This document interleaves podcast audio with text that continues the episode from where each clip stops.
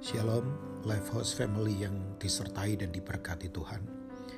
Kitab Yohanes pasal pertama ayat 38 adalah pertanyaan pertama yang Yesus kemudian tanyakan kepada dua murid dari Yohanes Pembaptis yang mengikuti dia. Alkitab berkata dalam Yohanes 1 ayat 38, tetapi Yesus menoleh ke belakang, ia melihat bahwa mereka mengikut dia, lalu berkata kepada mereka, apakah yang kamu cari? Kata mereka kepadanya, Rabi artinya guru, di manakah engkau tinggal? Nah, ini yang menjadi sebuah dasar untuk kita mengerti sebetulnya motivasi kita dan keberadaan kita dalam kehidupan ini apa dan mau apa sebetulnya. Saya selalu dalam pelayanan selalu bertanya, apa yang saya cari dalam berkeluarga dan Bapak Ibu semua yang dalam berbisnis, mari kita bertanya, yang kita cari ini apa, supaya tujuannya kita bisa memperoleh hidup yang bermakna. Sebab pertanyaan itu e, membuktikan bahwa Tuhan itu peduli supaya hidup kita tidak yang tidak kosong dalam kehidupan. Nah, e, kalau kita kembali kepada pengertian e, kita menemukan seharusnya yang kita cari, maka hidup itu tidak akan mengalami tragedi. Karena buat saya adalah tragedi bukan soal mati ya. Ya kalau orang mati dalam Tuhan itu bukan tragedi. Tapi kalau hidup tapi mati. Mati kasihnya mati tujuannya mati pengharapannya itu tragedi. Bahkan ada tragedi berikutnya adalah orang sukses tapi dalam tugas yang salah.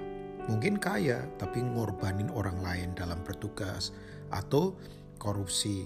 Ah itu berarti tragedi sukses tapi dalam tugas yang salah Nah, sebetulnya yang Tuhan cari, seperti dia tanya, apa yang kamu cari, itu harusnya kita menemukan yang memang Tuhan mau untuk kita dapatkan. Yang pertama, Tuhan itu mau supaya kita itu uh, menemukan bahwa hati kita bersungguh-sungguh kepada Tuhan. Itu yang 2 Tawari 16 ayat 9 katakan kan, bahwa mata Tuhan menjelajah ke seluruh bumi untuk melimpahkan kekuatannya kepada mereka yang bersungguh-sungguh hati terhadap Dia. Kata sungguh-sungguh hati itu artinya uh, total, ya orang yang punya integritas yang kuat pada Tuhan, yang enggak terpecah-pecah dalam kehidupan. Makanya ini ayat kan buat Raja Asa. Makanya ketika Asa tidak bersandar total pada Tuhan dan dia mengandalkan Raja Ben Hadad untuk menghadapi Raja Baisa dari Israel, Tuhan kemudian menegur dia lewat seorang nabi.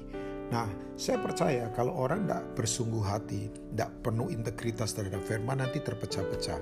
Ada orang yang setia di kebaktian, tapi tidak setia di keuangan atau setia di keluarga.